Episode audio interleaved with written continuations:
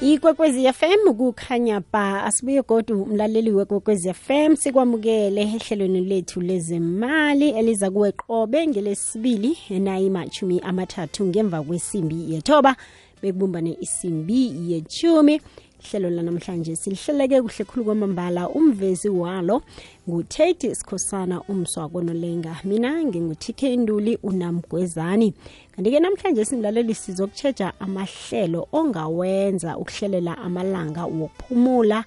asele ajidele kangaka qakathekile bona-ke sithome isikhathi sisekhona ukwenza amahlelo eh, asizako nasebenzako ukuthi-ke sigidinge amalanga wokuphumula nemindeni yethu inhlobo kanye nabangani mlalelo kokwezi FM angafiki ke lamalanga eh okufumaneke bona ke wena awukahleli ukuzwa konke lokhu sizabe sikhambisana nesithekeli sethu sikhona la emtatweni nguphindile msiza kazi yena umphathi wesipho sethu sihle consulting nguye ke ozasipha iluleko ukuthi ke eh, sihlela njani eh, ngalesi sikhathi ke ngombana vele i-festive season sechidele emlaleko kwezi FM epheze eh, inyanga eyodwa esisele nayo emva kwalokho yasuka mlaleli kwekwezi FM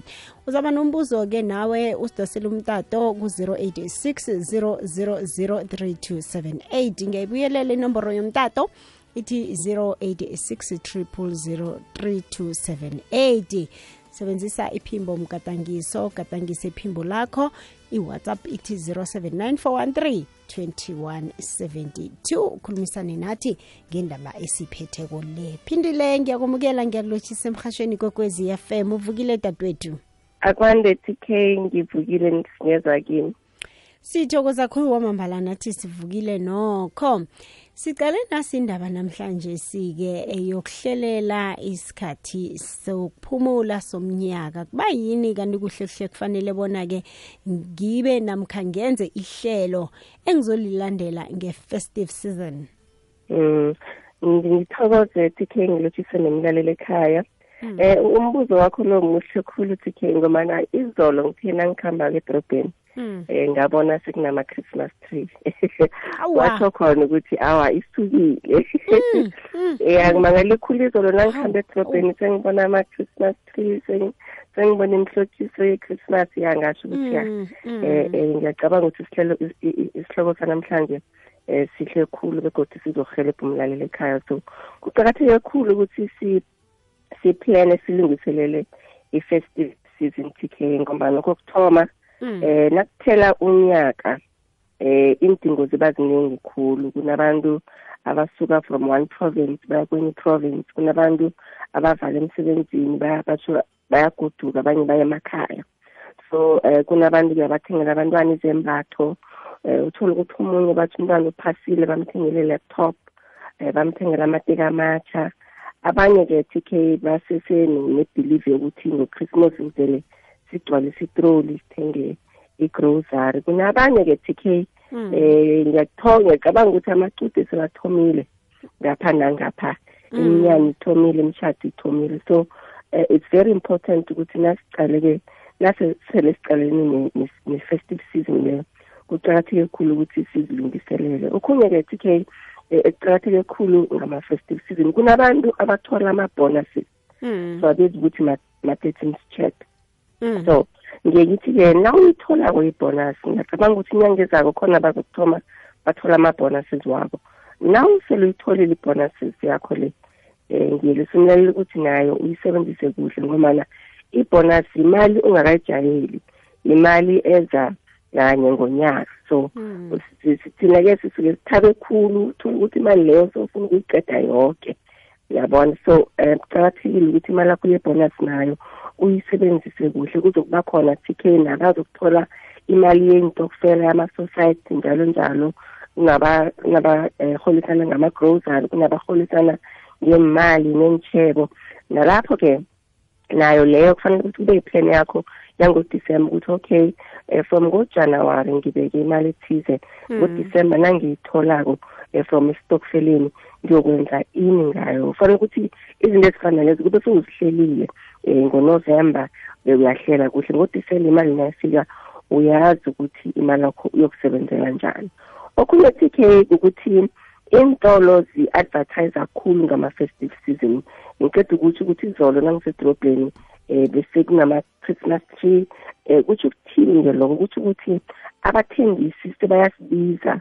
ukuthi sizokuthenga isikhathi sokuthi size sizokuthenga ngemali yethu ngamabhonasi wethu ngomholo wethu so nalokho-ke um kufanele ukuthi sikuhlelele kuhle ungase umane ufuna ukuthenga ngomani unemali or ufuna ukuthenga ungakapheni ungakabhajethi okhunye t k okokugcina-ke siba ne-festive um fever ngibiza ukuthi i-festive fever sisuke sithabe khulu mm.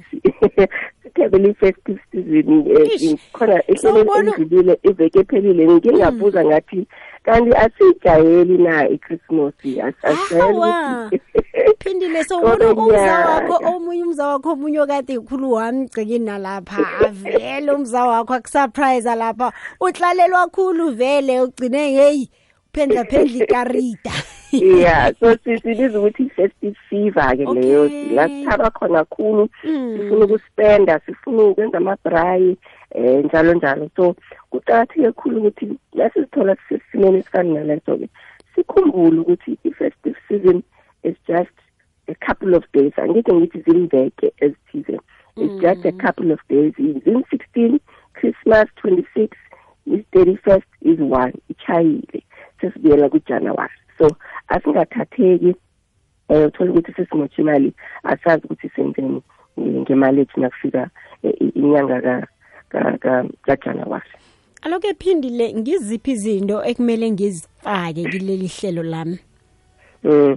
um izinto eziqakatheke khulu ekufanele ukuthi mhlawumbe wena uzidine zona mm. namkhana uzitsheje mm. ku-festive season e-, ehlelweni lakho leli ukuthenga izembatho ngesikwelede ngiyayibuyelela t k hmm. ngesilise ukuthenga izambatho ngesikwelede bazokubiza-ke amalanga layo siyakuwenzeki siyakuzo bazokubiza bakutshela ukuthi uyaqualifya une-buying power um imali ethize izokuthenga izambatho sizokubizwa bathi sizokuthenga amafriji um ngikhulume ngeminyanya t k mm. kunabanye-ke abazokuthenga ama-bedroom suit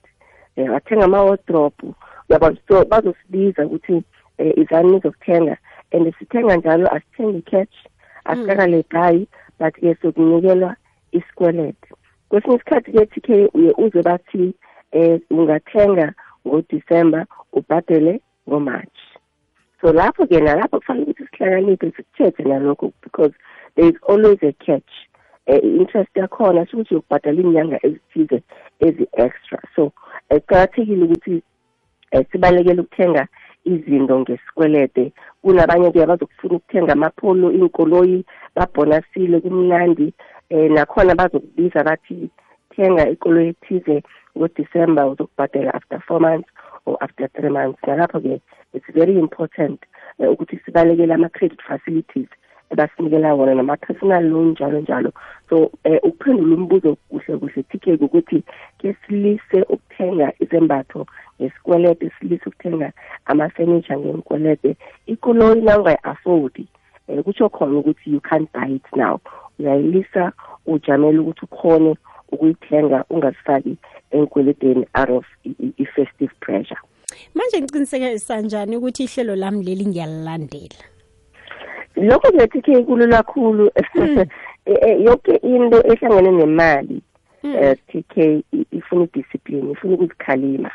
yonke into ehlangene nemali i-discipline iyafuneka kufanele ukuthi uzikhalime um uyazitshela ukuthi mina um ngihola imali ethize lokhu ngiyakwazi ukuthenga lokhu angikwazi ukuthenga uhlukanise khuyini need khuyini one ngiyacabanga ukuthi since unyaka uthoma sikhe sikhulume khulu ngama-differences between i-need ne-one into oyihlogako nena ungayihlogi nango-christmas kunjalo nawazi ukuthi lokhu asithengi endlini ngiyazi ukuthi it's not it's not a need it's a want asithengi but into eqakatheke khulu ukuthi eh, sizifundise ukuzikhalima um nakufika entweni zemali ekuthengeni izambatho ekuthengeni ukudla ekuthengeni amarhamulo njalo mm. njalo discipline is very important ngithoma nini-ke ukwenza leli hlelo engizalisebenzisa nge-festive season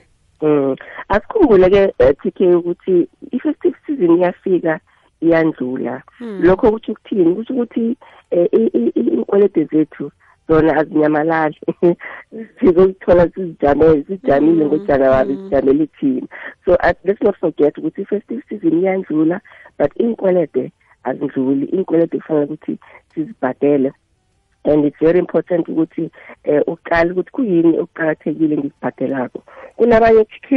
nabaholako ngoDecember eh badosa yoke imali umuntu adose yoke imali kunalaba bahola nge-15 umuntu adose yoke asadose yoke imali nakufika i-month end ama-debit orders wakho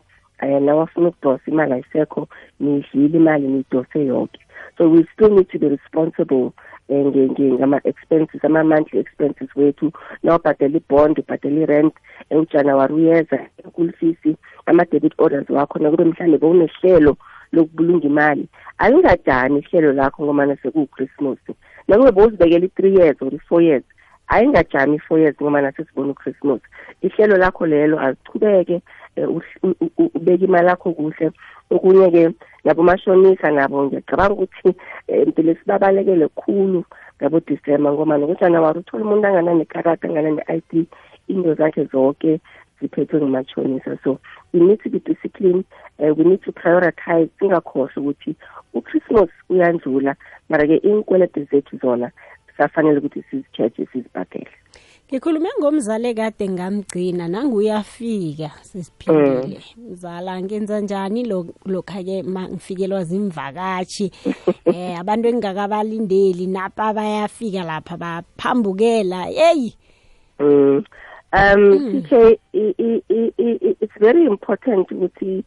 sibabantu silise ukuphila ipilo esingayi-afodiwe sibabantu silise ukunikela impression engekho ebantwini ngombani ufuna ukubonwa ufuna ukuthandwa mm, ufuna mm. ukufavor mm. emndeni akho so ifamily yakho p k ingakho-ke eh, nasikhuluma-ke ngama-black tax ama-family responsibilities amanye enziwa ngithi ngomana thina we, we always try to give a false impression ebazalini bethu eh, kuma-siblings wethu ukuthi we can afford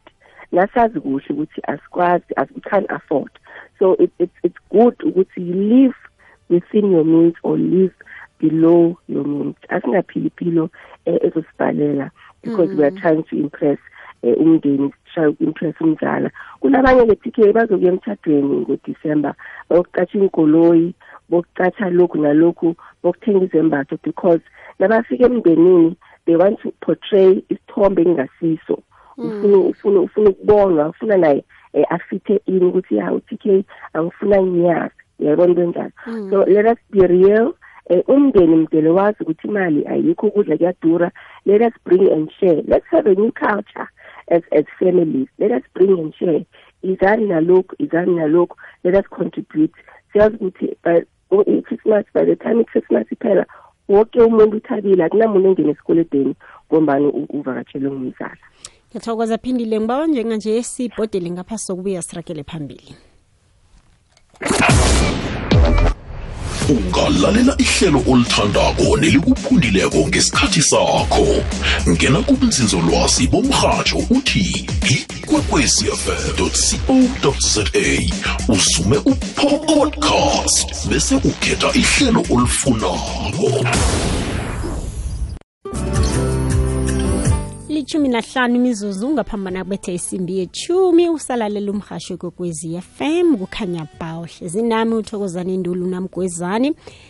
emtatweni nginesithekeli sami la uphindile msiza ovela kusipho sethu sihle consulting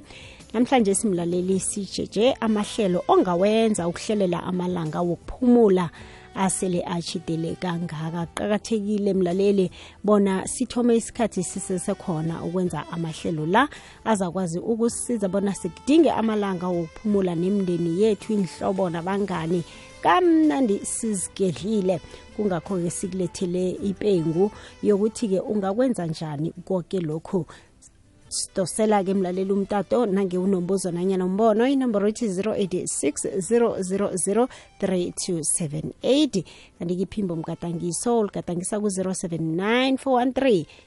2172 sizwe wakho umbono nanyana umbuzo ngendaba esiphetheko le omunye usazibuza ukuthi-ke eh, ibonus wagcina nini ukuyithola eh, sekuba ngasuthi isikolodo athi yazini solo ngagcina ngemva kweminyaka emihlanu ukuthola ibonus eh, kwesinye isikhathi-ke omunye ukhona ukuthi ayihlelele mhlawumbe umnyaka opheleleko phindile wayithola mm, mm.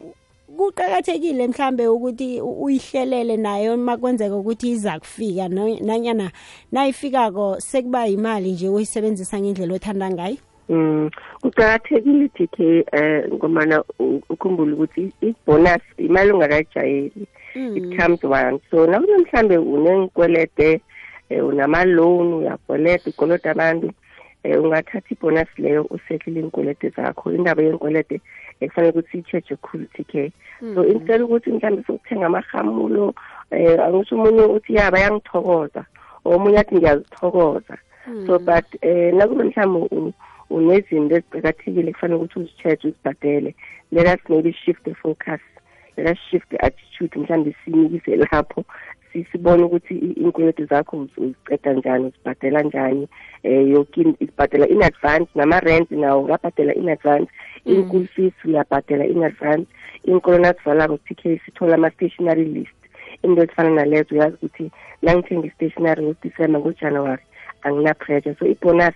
yimali ekufanele ukuthi uyihlelele kuhle nayo sometimes awazi ukuthi yokuthola malini but the fact yokuthi uyazi ukuthi khona imali engane ezoyithola ngiyo imali efanele ukuthi uhlele ngayo Mhm. Manje kuqhatheke kangangani ukuthi lokha nakuthoma umnyaka ubeke imadlana ethize e, ezaba ngiyo ezokusiza khulu ngesikhathi sika December eh sokuthenga okuthize eh nokuphetha nje ke amabanga athize. um leyo-ke sitheni nakube wena ngiyazibekela yona Mm. yiyo-ke leyo esizothi yibonus yakho-ke leyo ungazithokoza-ke ngayo uyibekile you were discipline enough from ngojanuary until december nayo mara sithi ekuhambe eh, ukuthenga amahamulo ukuhambe uye kuphi kuphi ungayebelela ukuthi mhlambe uzikhiphe nabantwana bakho ugone holiday mini holiday uthengela abantwana izembatho so naleyo ke mhlawumbe ungayihlelela mara leyo ungazithokoza ngayo ukuthi ya i've done so well from ngojanuwary until um december kuya ngokuthi ihlelo lakho kuyini what is it that you want to achieve ngemalakho nakuphela unyaka Mhm. Sokubuya ke mlaleli la siza besilalela khona amaphimbo athunyelwe nguwe kanti ke godu nalapha ku 0786003278 imtato ivuliwe sizayidobha njenganje engibawa sokuthengisa phindile sizabuya godu siragele phambili.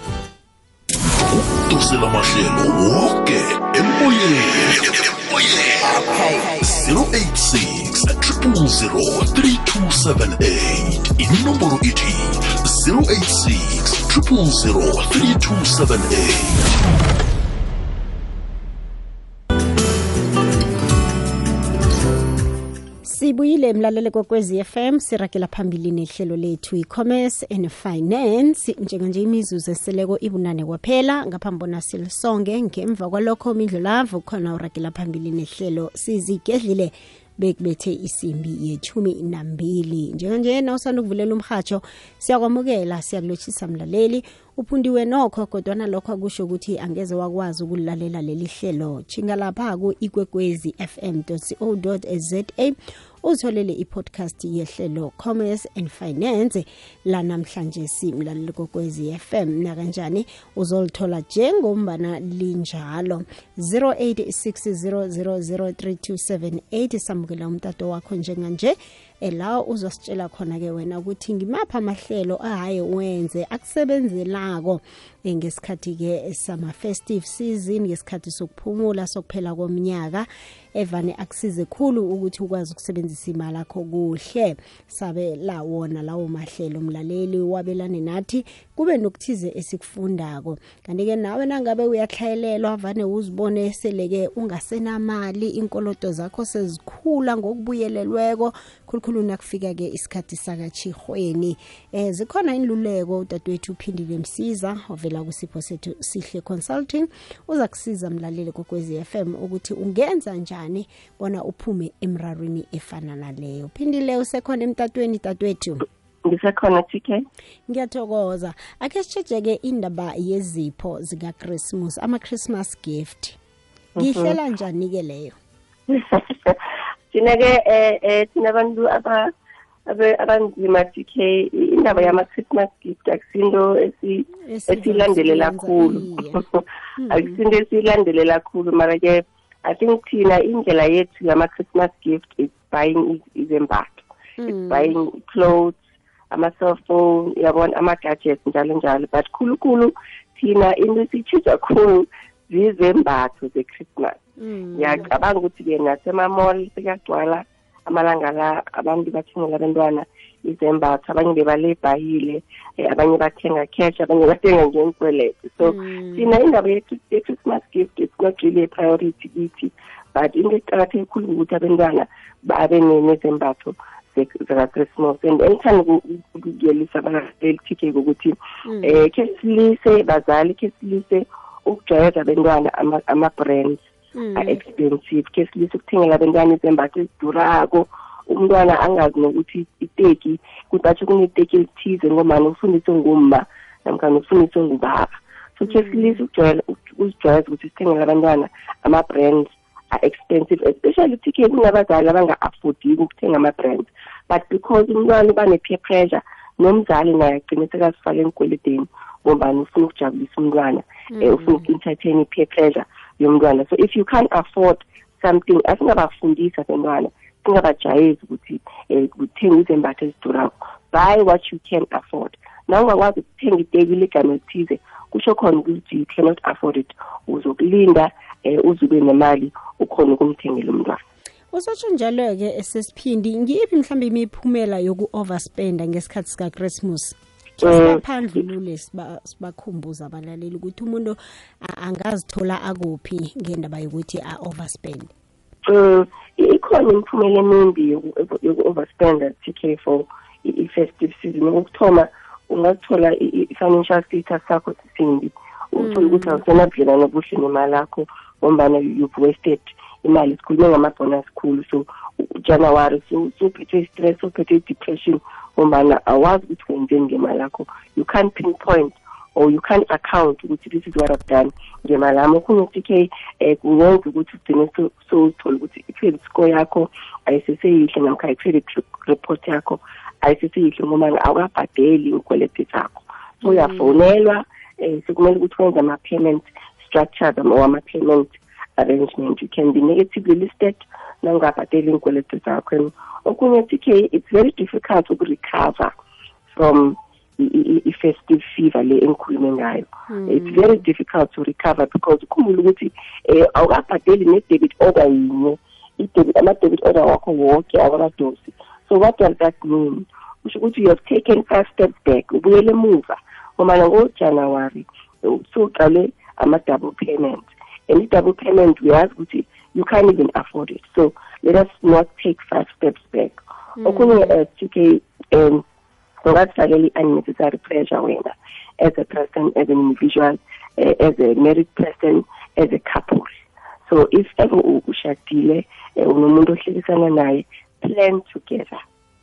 plan mm. together nenzela ukuthi um ngojanafari akekho ozokublame omunye athi wena uyenze ukuthi wena wenze ukuthi ngemali so let's, let's learn get in that culture yokuplana together